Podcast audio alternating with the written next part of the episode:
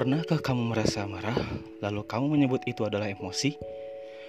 Dan apakah kamu menilai bahwa emosi itu adalah marah? Ya, kamu benar.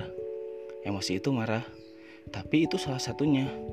Ada banyak emosi-emosi lain yang ternyata selama ini terlupakan, sehingga kita sering terjebak untuk tidak mengenali dan mengendalikan perasaan yang ada dalam diri kita sendiri. Kali ini kita akan masuk ke misi keempat, yaitu emosi dan kontrol diri. Saksikan terus serial podcast Bisa Berubah bersama saya Fikri Fatur Rahman, Guru BK SMP Darul Hikam.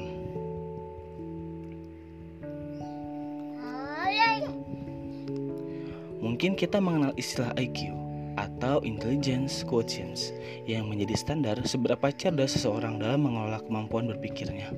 Padahal di samping IQ ada kecerdasan lain yang kita miliki namun belum begitu terlatih yaitu EQ, emotional quotient atau kecerdasan emosional. Daniel Goleman yang menulis buku Kecerdasan Emosional Emosi menurutnya ialah setiap kegiatan atau penggerakan perasaan pikiran, nafsu, setiap keadaan mental yang hebat dan meluap-luap. Ada banyak sekali emosi-emosi yang sering muncul dalam kehidupan kita. Namun pada dasarnya emosi itu dikelompokkan menjadi empat. Apa saja itu? Yang pertama adalah emosi senang. Tentu kita sangat mengenal emosi ini. Emosi senang ini adalah gambaran rasa senang yang dialami oleh seseorang. Emosi senang juga bermacam-macam. Ada bahagia, riang, gembira, dan cinta. Yang kedua adalah emosi sedih. Nah, kalau yang ini pasti pernah mengalami semuanya ya. Emosi sedih ini adalah gambaran rasa tidak senang yang dialami seseorang.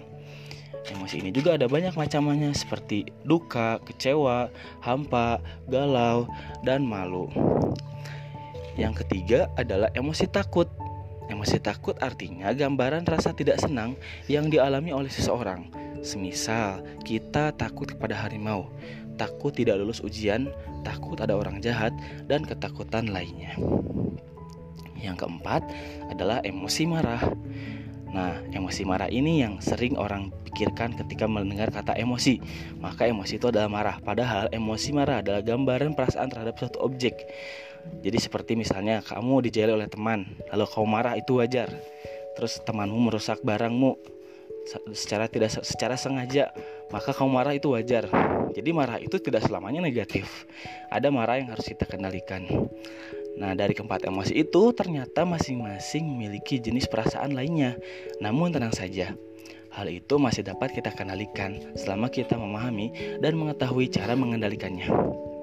Namun, dalam mengendalikan emosi, kita sering terjebak dalam pikiran-pikiran yang membuat kita menjadi kalah dengan keadaan. Menurut Albert Ellis, ada tiga harus atau biasa disebut dengan masturbatory thinking yang membuat diri kita menjadi tertahan dengan situasi yang tidak berubah. Apa saja tiga harus itu? Harus yang pertama adalah saya harus baik kepada semua orang. Nah, pastikan kita sering terjebak ya bahwa kita itu harus baik kepada semua orang. Kita harus menyenangkan semua orang. Orang-orang harus senang dengan apa yang kita lakukan.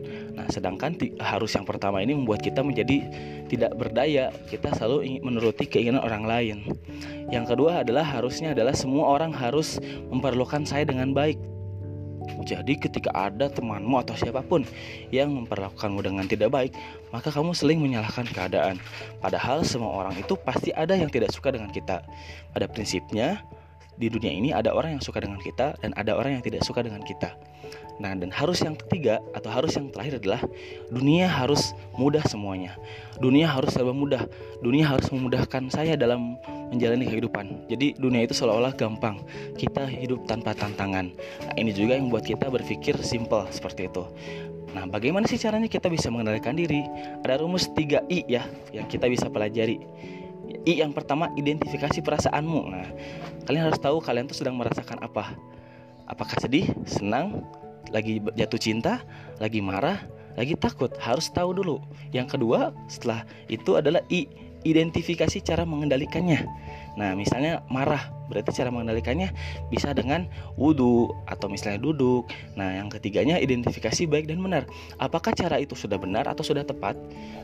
Nah, maka dari itu kita bisa sedikit demi sedikit mengendalikan emosi dalam diri dan juga mengendalikan diri secara keseluruhan.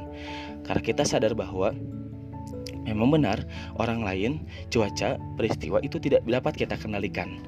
Tapi kita punya kekuatan yang amat besar, yaitu mengendalikan diri sendiri. Semoga bermanfaat dan tetap sehat selalu buat teman-teman semua. Tetap saksikan serial podcast Bisa Berubah bersama saya, Fikri Fatur Rahman, Guru BK SMP Darul Hikam. Wassalamualaikum warahmatullahi wabarakatuh.